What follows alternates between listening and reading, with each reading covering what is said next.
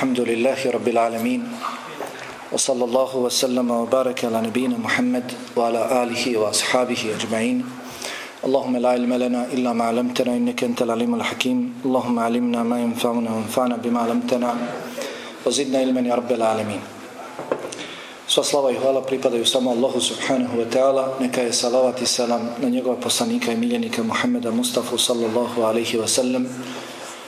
Njegovu časnu porodicu, sve ashabe i sve one koji slijede dosljedno do sudnjega dana. Rečeno je malo kraće da se obratim pošto ste zauzeti. Ma dovezat se malo na hudbu.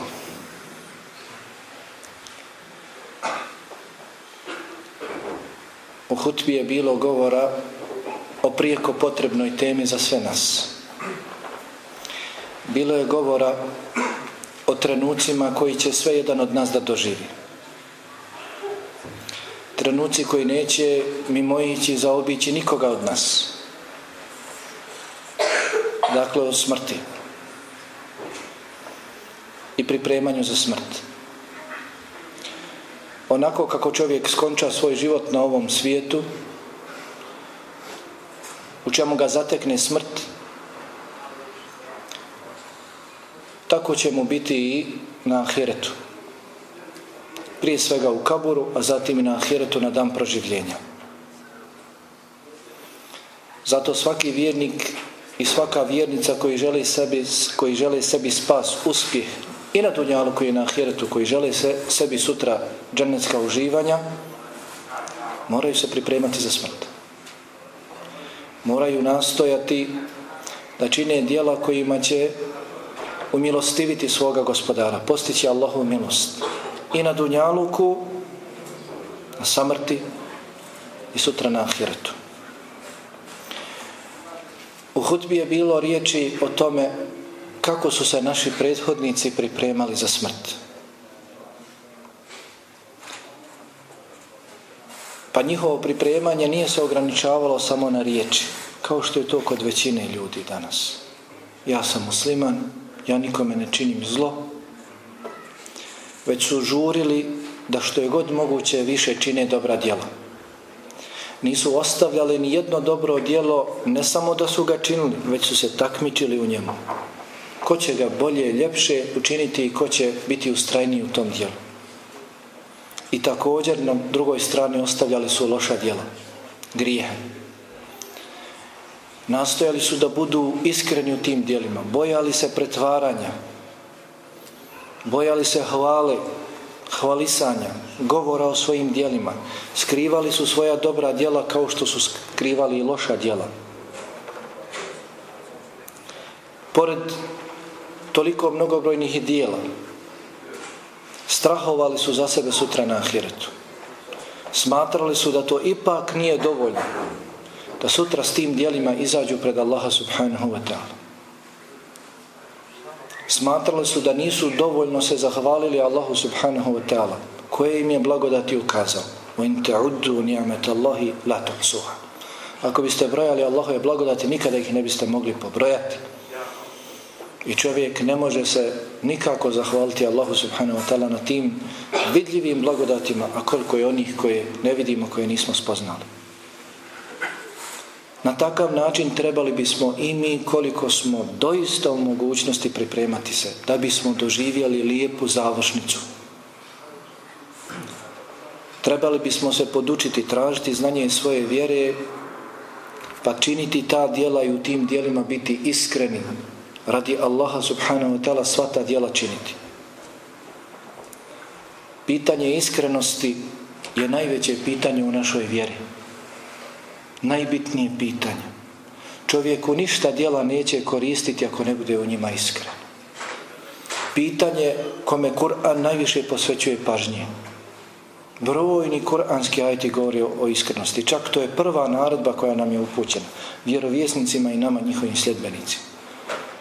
وما أمروا إلا ليعبدوا الله مخلصين له الدين حنفا ويقيموا الصلاة ويؤتوا زكاة a nije im bilo naređeno osim da iskreno obožavaju Allaha ispovjedajući mu vjeru kao pravi vjernici zatim da obavljaju nama, zatim da obavljaju izvaju zekat I poznate su vam riječi islamskih učenjaka kada govore o iskrenosti s čime sve iskreno sporede u ibadetu. Pa kaže Ibn Hazm rahimahullahu ta'ala iskrenost je srž ibadeta. I nema ibadeta bez iskrenosti kao što nema života bez duše. Kao što tijelo nema života bez duše. Kaže Ibn Džavzi iskrenost u ibadetu je poput arefata u hačskim obredima. Poznato vam je da se saj tavafa oko Kabe mogu učiniti prije, mogu posli. Ali, had, ali arefat ne može se pomjeriti prije ili posli. Devetog dana Zulhidžeta, dan prije hađskog bajrama, sve hađije moraju biti na refatu. Ko nije na refatu, taj nema hađa ko nije iskreno ibadetu, taj nema ibadeta. Džaba. Ibn Qayyim rahimehullahu ta'ala kaže primjer onoga koji čini dobra djela, djela ibadeta, ali u njima nije iskren. Želi hvalu, želi položaj, želi lijep spomen, funkciju, je poput putnika koji u svome prtljagu nosi kamenje, prenosi ga s jednog mjesta u drugo mjesto, samo se slama umara, ništa se ne okorištava. Onaj koji čini dobra djela, na oči dobra djela, ali nije iskren u tim djelima, ništa se ne okorištava. Želi hvalu, želi da se tim djelom približi nekome drugom, a ne Allahu subhanahu wa ta'ala. Zato su rekli, ništa više ne odvraća od Allaha kao što odvraća želja za hvalom želja za hvalom najviše odvraća od Allaha. I Allah nikada neće iskrenosti želju za hvalom sastaviti. Zato trebamo biti iskreni. Zato trebamo kada se podučimo dobrim dijelima i lošim dijelima, to je ta bogobojaznost. Nije bogobojaznost, braću, da plačemo na noćnom namazu. Kada čujemo učenje Korana da se nam se srce raznježi, nije bogobojazan samo u tome. Bogobojazan je onaj koji je u prilici, kada je u prilici da učini grijeh, pa strah ga Allah. Allah ga gleda. Allah ga nadzire. Koji kada mu je naređeno da čini naredbu žuri da ispuni tu naredbu.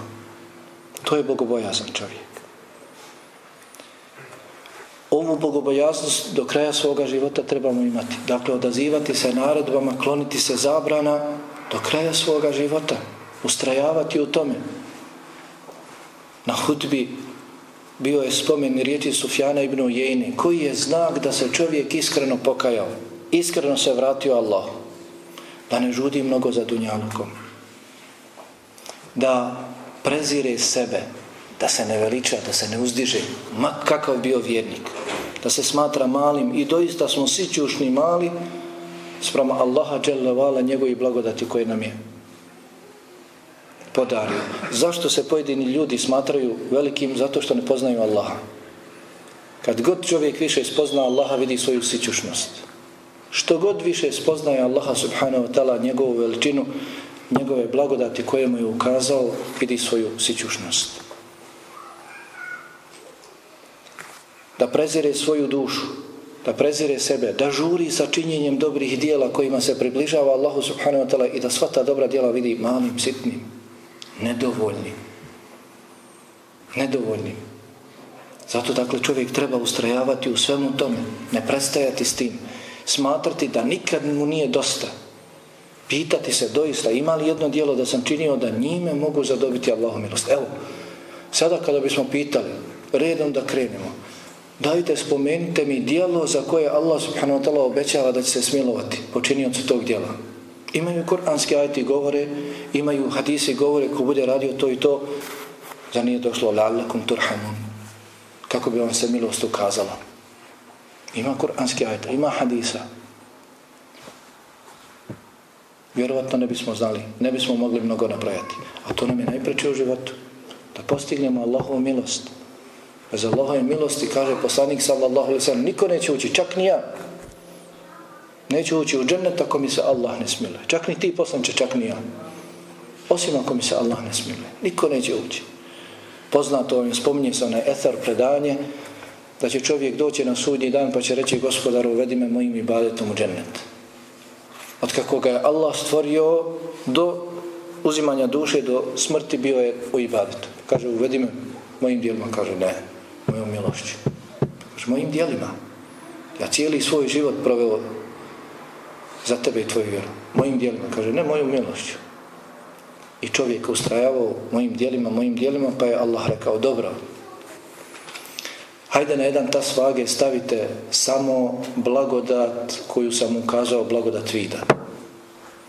A na drugi tas vage sav taj njegov ibadet koji je činio 70 godina.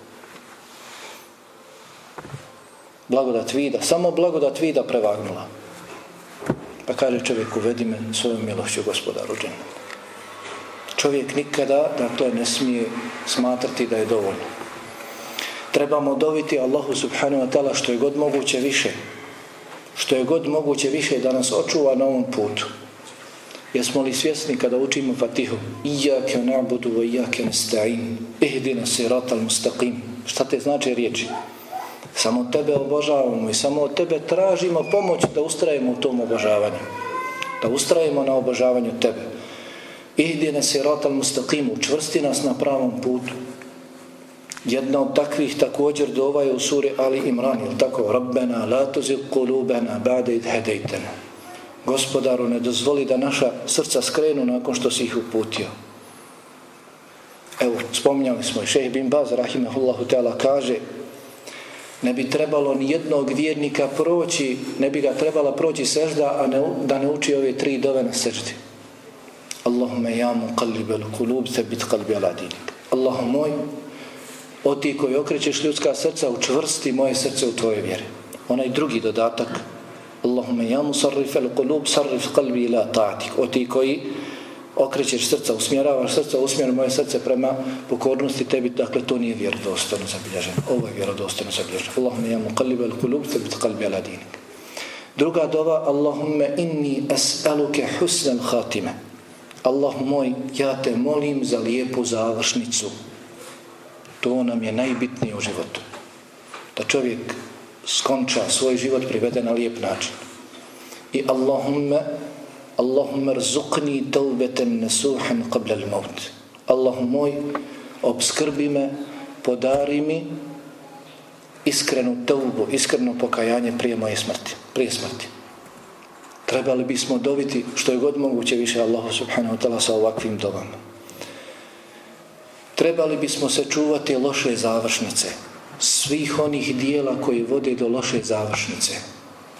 Nije samo na vjerni koji vjernici da čine dobra djela i da žure što je god moguće više da čine dobri djela. već trebaju obratiti pažnju i na grijehe, na loša djela. Kao što vam je poznato, Huzeyfe radijallahu talan je rekao, ljudi su pitali poslanika, alihi salatu samo dobro, ja sam ga pitao o zlu i straha da me ne snađe. Da se upoznam pa da ga se čuvam. Aisha radijallahu ta'ala kaže nećete sresti Allaha subhanahu wa ta'ala ni sa jednim dijelom kao što je ostavljanje grijeha. Nećete sresti Allaha subhanahu wa ta'ala s boljim dijelom od ostavljanja grijeha. Treba se čovjek kao što čini dobra dijela čuvati loših dijela. Trebamo se čuvati svega onoga što vodi do loše završnice. Kako kaže jedan veliki islamski učenjak Siddiq Hasan Khan dva su stepena loše završnice. Dva su stepena loše završice. Prvi stepen, a niko od nas ne može siguran biti za ovo. Allah i niko. Da idemo i da pratimo ljude kako umiru u zadnjim trenucima, mogli bismo se osvjedočiti u ove riječi.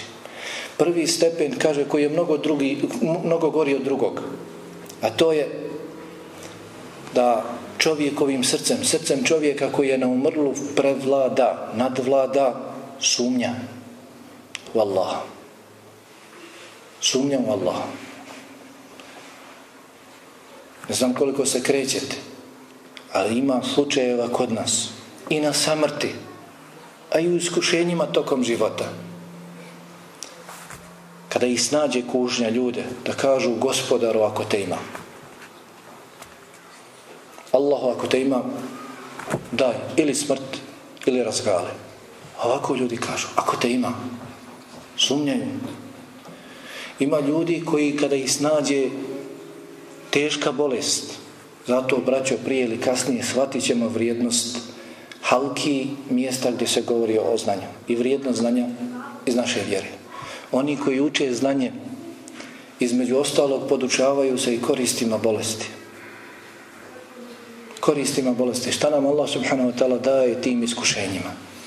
Onaj koji to ne zna, on vrlo lahko može posustati. Šeitan, vrlo lahko ga. Zašto je učen čovjek bolji od hiljadu pobožnjaka? Bolji od hiljadu pobožnjaka. Zato što zna šeitanske prilaze. Ovaj samo ibadeti počesto čini dijela koja nisu od ibadeta. Dakle, da čovjek kojim srcem prezlada, nadlada sumnja, nevjerstvo, pa da se između njega i Allaha postavi pregrada da bude vječno udaljen od Allahove milosti i bude vječan, vječan jedan od stanovnika džehennema, vječni stanovnika džehennema. I drugi kaže, drugi stepen loše zavrce jeste da iako je blaži, ali isto tako je opasan, da srcem čovjeka koji je na umrlu nadvlada neka od dunjalučkih stvari. A nadvlada će ukoliko je svoj život proveo u njoj. Neka od dunjalučkih slasti i strasti. Pa da prilikom ispusta, ispuštanja duše, kad se od njega bude tražilo da kaže la ilaha illallah, bude spominjao tu stvar u kojoj je proveo većinu svoga života. Kao što kaže na drugom mjestu, kada govori o tim razlozima, ovaj šeh Sidik Hasan Han, o tim razlozima loše završe, pa spominje ljubav prema grijehu, ustrajavanje u grihu kaže, neminovno mora taj grijeh spomenuti na samrti. I gledajte, ja sam bio kada ljudi traže cigaru da zapale, zadnji trenuci da zapale cigaru. Traže da mu se pusti pjesma koju je pjevao cijelog svog života. Upališ mu Kur'an, kaže, gasi, daj pjesmu. Pada, dakle, ta ljubav prema dunjalučkim slastima, strastima bude pregrada, da ne izgovori la ilaha illallah, a to je šeitano najdraže, jer je došlo jasno čije riječi, zadnje riječi budu la ilaha illallah, taj će ući sigurno u džennet. Ali te riječi nije tako lahko izgovoriti. Zbog ovog svega Allahov poslanik alaihi salatu wasalam kaže u hadisu kako bilježi imam Bukhari pred kraj hadisa al a'malu bil khalatim. Dijela su, dijela se vrednuju po završnicama. U hadisu kod imama Taberani, šeha Albani cijeni hadis je redosin, kaže Allahov poslanika alihi salatu wasalam, la tuhuđebu bi ameli amil, hatta tanzuru bime juhtemu leh. Nemojte se diviti ničijem dijelu, sve dok ne vidite kako će završiti svoj život. Sve dok ne vidite na koji način će biti zapečaćen njegov život. Zbog svega ovoga njegova najčešća dova, najčešća dova Allahov poslanika alihi salatu bila Allahume janu kalib al kulub. Sve biti kalbi ala dinik.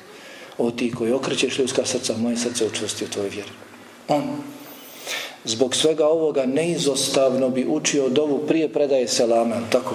Allahumma inni a'udhu bike min azabi nar wa min azabi al-qabr wa min fitnetil al-mahja wal mamat wa min šarri fitnetil al-mesihi dajjal Pogledajte od čega se utječe. Od kaburske kazne, od e, džahnemske kazne, od kaburske kazne, od kušnje života i smrti i od kušnje deđala. Kušnju života i smrti je spomenuo zajedno sa najvećim patnjama, najvećim kušnjama. Džahnem ne priča o džahnemu. Kabur pogotovo. Deđal nije bilo veće kušnje, će biti veće kušnje na dunjalu sve jedan vjerovjesnik od Nuha do Muhammeda alihi salavcom govorili su i upozoravali na njega. Kolika će biti kušnja? Šta će mu Allah sve dati od naravne sposobnosti? Imati sa sobom blaga? Što god poželiš. Zar se ne spominje u hadisima da će jeli, da Allah sačuva pozivati da je on Bog? Pa će pitati mladića hoćeš povjerovati u mene da sam ja božanstvo ako ti oživim oca iz kabura? Ako ti proživi moca iz kabora, pa će proživiti. Uzet će sablju, pa rasjeći mladića u potpunosti i rastaviti ga ovako, desnu, desni dio tijela na desnu stranu, lijevi dio tijela na lijevu i proći između. I sastaviti. I oživiti. Kušnjajte, kako? A također kod Buhari i kod muslima je došlo وَلَقَدْ أُوحِيَ إِلَيَّ أَنَّكُمْ تُفْتَنُونَ فِي قُبُورِكُمْ misle fitneti deđal. Meni je objavljeno da ćete se iskušavati u vašim kaburovima poput kušnje deđala i kušnje džehennema. I pogledajte, Allahu poslanika alaihi salacom spominje i kušnju smrti, odnosno kušnja koja se dešava na samrti.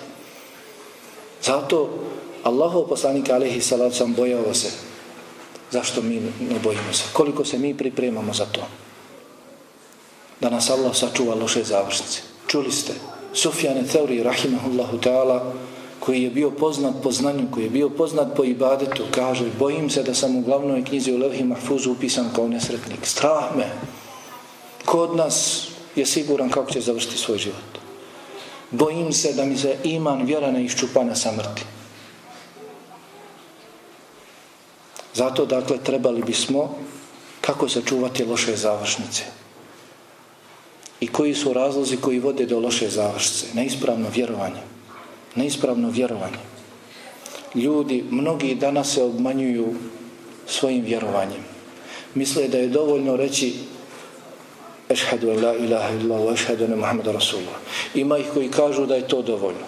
Ima ih koji kažu da je dovoljno da čovjek spozna Allaha svojim srcem. Da zna za Allaha. Ništa, braći, od toga nije dovoljno. Dovoljno je samo ubjeđenje srcem, potvrda jezikom i dokazivanje danonoćno dijelima. To je iman. To je iman. Iman se sastoji od ubjeđenja, od govora i od dijela. Bez ovog troga nema imana. Zar nije došlo i kod Buhari i kod muslima? Iman se sastoji 60 i nekoliko dijelova, 70 i nekoliko dijelova. Najvisočiji njegov dio jeste da se kažu riječi la ilaha illallah. Najniži da se skloni prepreka s puta, a i stid je dio imana. Pa je Allahov poslanik alihi salavcam sve ovo obuhvatio. Ljudi se obmanjuju. Jeste te riječi la ilaha illallah kada se kažu koristile su na početku islama i koristit će na kraju ovog zemana.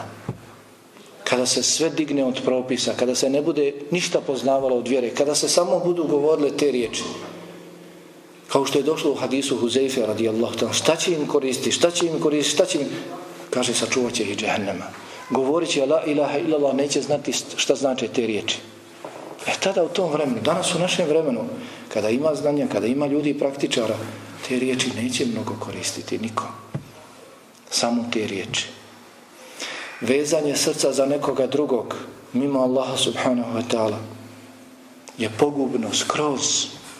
Srce ne može naći svoj smiraj, ne može naći svoj rahatluk, ne može uživati osim u spominjanju svoga gospodara. Ovo srce ima svoga gospodara, kao i sve drugo. I ne nalazi smiraj osim u svoga gospodara. Zar nije došlo alladine amenu wa tatme innu kulubukum bi zikri wa tatme innu kulubukum bi zikri Allah. Ela bi zikri Allahi tatme innu kulub. Oni koji vjeruju, čas se srca smiruju uz Allaha. A zar se s nečim drugim smiruju srca? Smiruju se samo sa Allahom. A ljudi danas vežu, vežu se za svoj metak, vežu se za žene, vežu se za djecu, daju vjeru za to. Šta će im koristiti? Šta će im koristiti spominjanje toga? A zasigurno onaj koji se veže, zašto se i za koga se veže na Dunjalku, to će spominjati na samrti.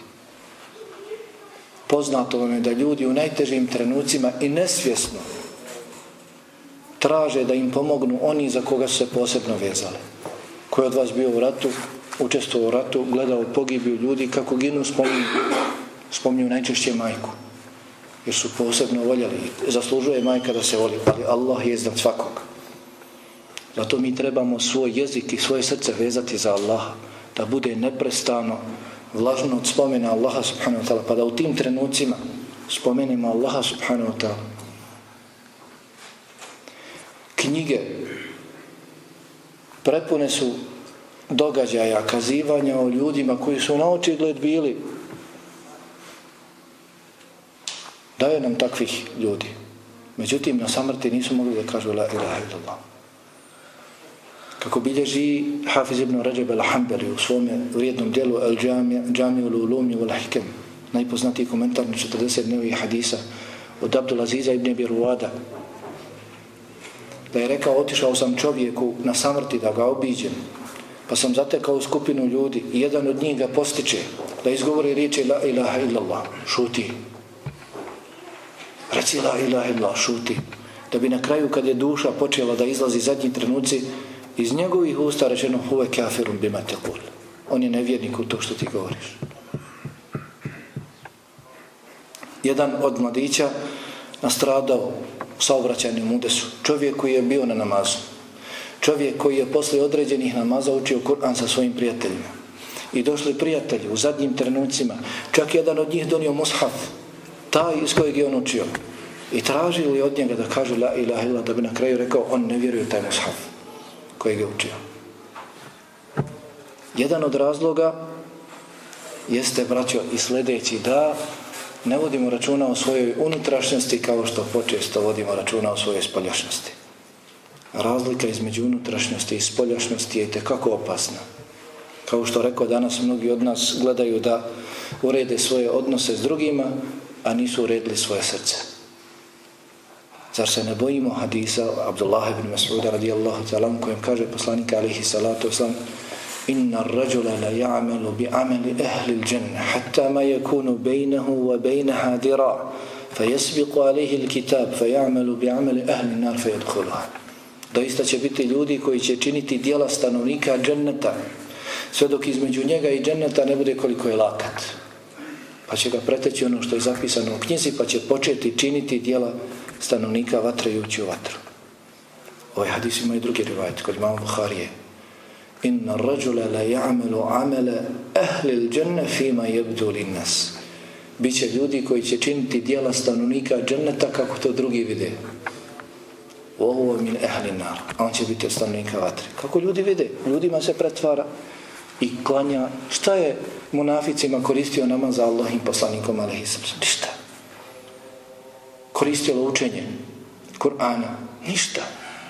Poznat vam je hadis Ensa ibn Malika, kod Buharije, u Buhariji se bilježi čovjek koji je bio kršćanin, pa primio islam, bio pisar objave, pisar objave, zar ima časnijeg posla, pisao objavu, naučio sure El Bekara i Ali Imran, iz plemeniti usta Allahovog poslanika, ali ih odmetno se. Vratio se u kršćanstvo, ono.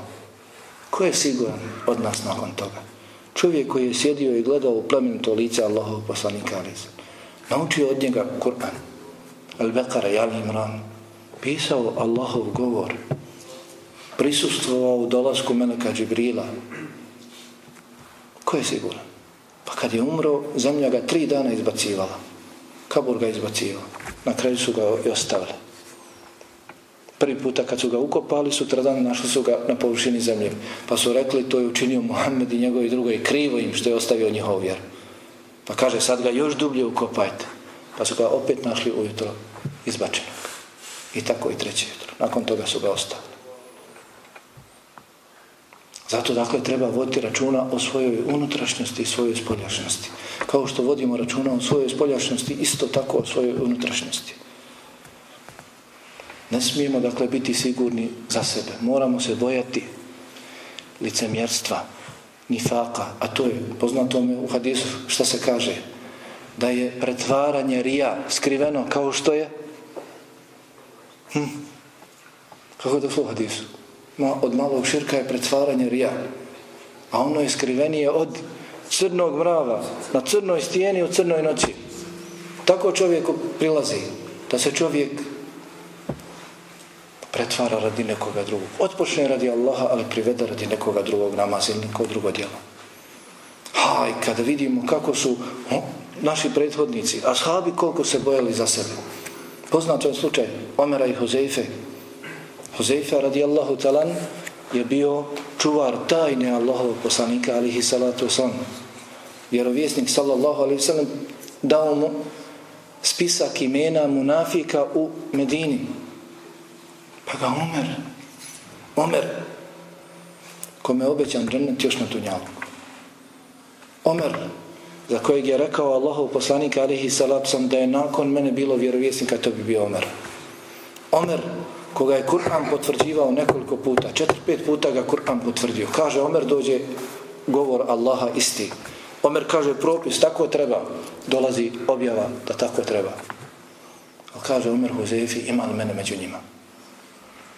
Ima li mene među munaficima tim? Abdurrahman ibn Auf dolazi kod Umu Seleme, kod majke vjernika. I kaže, o majko, treba mi savjet. Ja sam najimućniji korešija. Imam imetka mnogo, najimućniji. Nema korešije da je imućniji od mene. Strah me. Strah me da me imetak ne uništi. Koliko sam mi pitamo za sebe. Kaže, dijeli, da sadak, dijeli. Čula sam Allahov poslanika, alihi salatu sam da kaže, doista, među mojim ashabima bit će onih koje, kada napustim, nikada me više neće vidjeti. To znači, će umrijeti kao nevjernice. Da će biti onih koji će se otkinuti od vjere. Kao što vam je poznato, nakon njegove smrti mnoga plamena su se otkinula. Ostalo, ostala Medina, Mekka i Taif. Svi su se posle vratili u nevjerstvo. I veliki je vallahi ibret u tome. Zašto Mekka, Medina, Taif? Zašto su oni ostali? Zato što je među njima boravio Allahov poslanik alihi salatu wasalam. I u tome je velika mudrost i korist da se učeni ljudi moraju miješati sa običnim ljudima. Da obični ljudi vide da su i oni ljudi, kao i da su i učeni ljudi obični kao i oni. Plemena koja su se otkinula nisu mogla da vjeruju da vjerovjesnik može umrijeti. Smatrali su da je nadnaravan čovjek. Dočim oni koji su živjeli s njim, znali su, poznavali su ga dobro. Pa je izašao Ebu Bekr radijallahu ta'ala i rekao onaj koji je obožavao Muhammeda neka zna da je Muhammed dobro. A onaj koji obožava Allaha neka zna da je Allah živi i vječni. Doista će među mojim ashabima biti oni koje kada napustim nikada me više neće srasti. Abdurrahman ibn Auf izašao sav predstravljen. Koli od nas? Pa prolazi sav što bismo rekli snužden, nikakav pored Omera. Kaže Omer, šta je, šta je bilo? Kaže tako i tako. Omer odma. Drugi ide do Umu Seleme, jesam li ja od njih? Ima li mene među njima? Ima li mene među njima? Duge nade. Razlog su loše zavrce. Čovjek se nada i nada i nada da će živjeti. I gomila, skuplja. Ne vodi računa o svome ahiretu. Ne vodi računa o svome smrti. O svojoj smrti, a smrt bliža od ove jake. Za vratom. Zato je Allah poslanik alihi salacom posticao nas da kada osvanemo da ne očekujemo da ćemo umrijeti. Kada je rekao budi na dunjalku poput stranca. Kada dođemo ovdje, ja među vas, ja sam stranac. Ne znam izaći dalje odavde. Hodete vi u neku drugu državu, vi ste stranci. Uzmete ono što vam treba i budite poput stranca ili putnika prolaznika. Pa kaže primjer mene i Dunjalka je poput primjera konjanika. Svrati malo u hlad, odmorim se, idem dalje. Putujem ka Ahiretu. Pa kaže Abdullah ibn Omer, kada osvaneš, ne očekuj da ćeš omrknuti.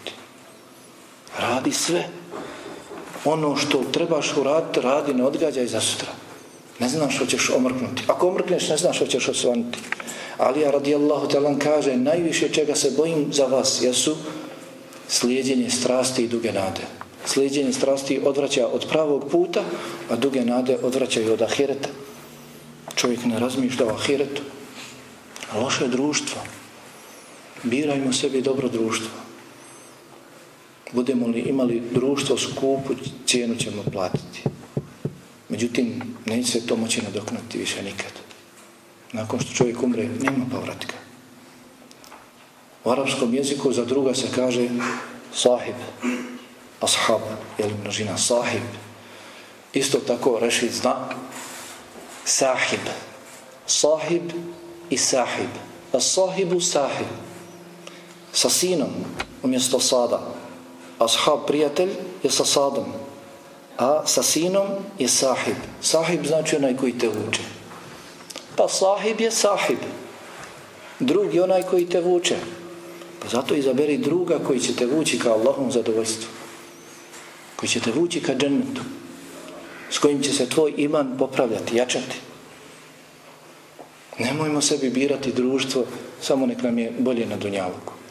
Naši prethodnici kažu kada te sretne, da te sretne danas čovjek, kad god te sretne da ti ukaže na tvoju mahanu problem, ne držiš se vjere, tu si propustio, ovo si propustio, tu si zakazao, bolji ti od onoga koji kad god te sretne šako dinara i dirhema ti dadne.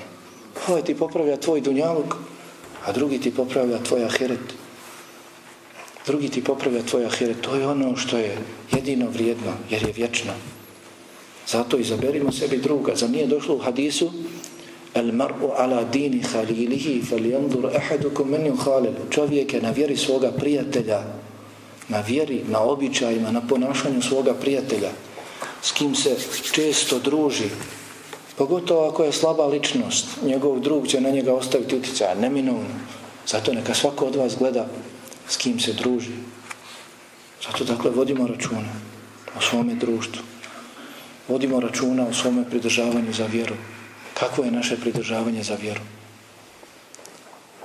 Prve generacije, šta im je sve nuđeno i nuđeno, kroz kakva su sve iskušenja prolazili, nisu odstupali.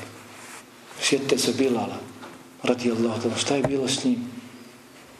Zar ga nisu djeca vukla po Medini, po vrelom, užarenom pjesku, ostavljali ga u pustinji, kamenu stijenu na njegov stomak i od ozgo pritiskali. Ali nije ostavio vjeru. Šta da se to nama uradi? Poslaniku Alihi Salat sam kažu, ako si lud, da tražimo lijeka. Ako hoće žena, oženit ćemo te skoliko god hoće žena. Ako tražiš i metka, učinit ćemo da budeš najmoćniji od nas. Ako tražiš položaj, da vladaš nama, da ćemo da vladaš. Ko ne bi posustao pred ovim? Ali nije posustao jednom od ashaba Allahov poslanika alihi sallam kasnije u doba Islama, jakog Islama, dolazi kod njega, obilazi ga, pa hoće da mu priđe iza leđa, a bio otkriven, pa vidi ožiljke, leđa puna ožiljaka, pa kaže, šta je to? E, kaže poslaniče, mojim leđima su gasile, gasili vatre po meki. Vatra, ispuste ga na vatru i gase vatru. Amar ibn Jasir toliko zlostavljan, kažnjavan da nije znao više šta govori.